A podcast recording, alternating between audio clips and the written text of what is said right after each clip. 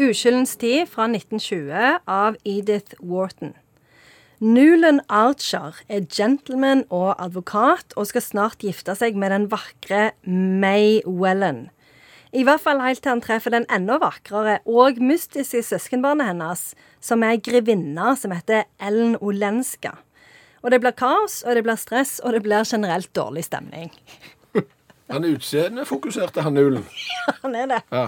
Han er liksom sånn 'Å, meg er så fin, jeg gleder meg sånn til vi skal gifte', og så bare sånn 'What?!' Dritfint søskenbarn som jeg treffer på fest. Men kom det litt sånn bardust? at- Adelig søskenbarn? Ja, for hun har vært gift med en polsk greve. Og så var det liksom sånn 'Å, jeg orker ikke han der polske greven lenger', så da flytter hun til USA. For han reiste til Norge for å så sparkle gipsplater. Fordi det var litt, gikk Han litt var- tungt i han var litt adelskapet i opptatt. Polen. Ja.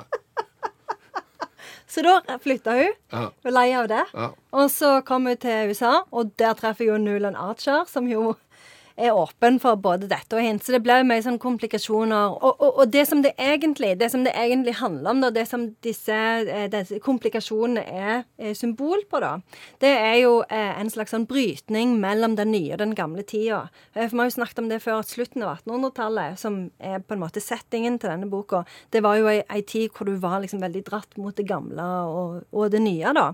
Så meg er liksom det gamle, og Ellen er det nye. Og så hva skal du velge, da? Er det stigmatiserende å si at jeg syns dette høres ut som en damebok? Ja, det syns jeg eh, at det er Ja, til det er det. dels svært eh, stigmatiserende. Jeg ligger jo Lucinda Riley, så da er det kanskje en bok for damer og meg. Jeg tror kanskje Bjørn Olav er litt mer åpen. Det er Mm. ikke på Røystein. Vi må ta et lite kurs på dette. Tror kanskje det. Men eh, helt ærlig, jeg kjenner at dette her fascinerte ikke i utgangspunktet. Den er egentlig veldig kul, altså. Så, så jeg, og, og gjort om til film, for de som er litt late. Daniel Day-Lewis, Å ja. eh, Michelle Pfeiffer Oi. og Winona Ryder. Så nei, jeg, jeg anbefaler. Hvordan ender dette her, da? Nei, det ender jo ikke godt. Det er ikke det heller. Det gjør ikke det.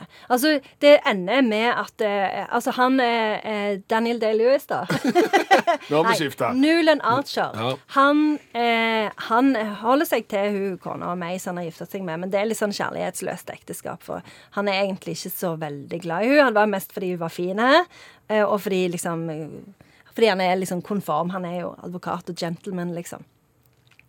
Nei, Jeg elsker jo egentlig hun andre, men det faller i fisk. Det er ikke noe S- annet. Søskenbarnet eller hun først, da? Eh, Søskenbarnet til hun første. Ah. Mm, det er jo hun han egentlig liker.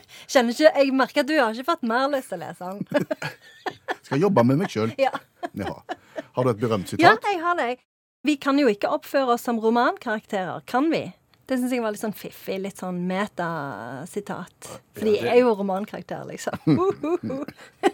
Det er liksom Ok, må- jeg- det er liksom måker oppfører seg som dyr. det er sant. Akkurat sånn. Mm-hmm. Den er god. Den er god. Nå fikk jeg mer lyst. Ja, der ser du. Mm-hmm. Ja, ja. Vil du oppsummere for oss? Helt ærlig? Mm. Nei. Men hvis jeg ber deg om det, Ja, men siden jeg- vi alltid gjør det i ja, denne men spalten. Mm. Jeg syns det var litt vanskelig. Eh, Men, men det er klart at det her er jo, dette her er jo da ei bok om at det er utseendet som teller, selv om det er det indre som burde talt. ja, det er helt sant. Eh, Og, og at eh, en adelstittel, det drar alltid. Ja, det gjør det. Og det er en bok for både kvinner og menn. Ja, Helt riktig. Så her er det bare å sette i gang. Takk, Janne Stigen Breisholt, forfatter og litteraturviter. Ingen årsak.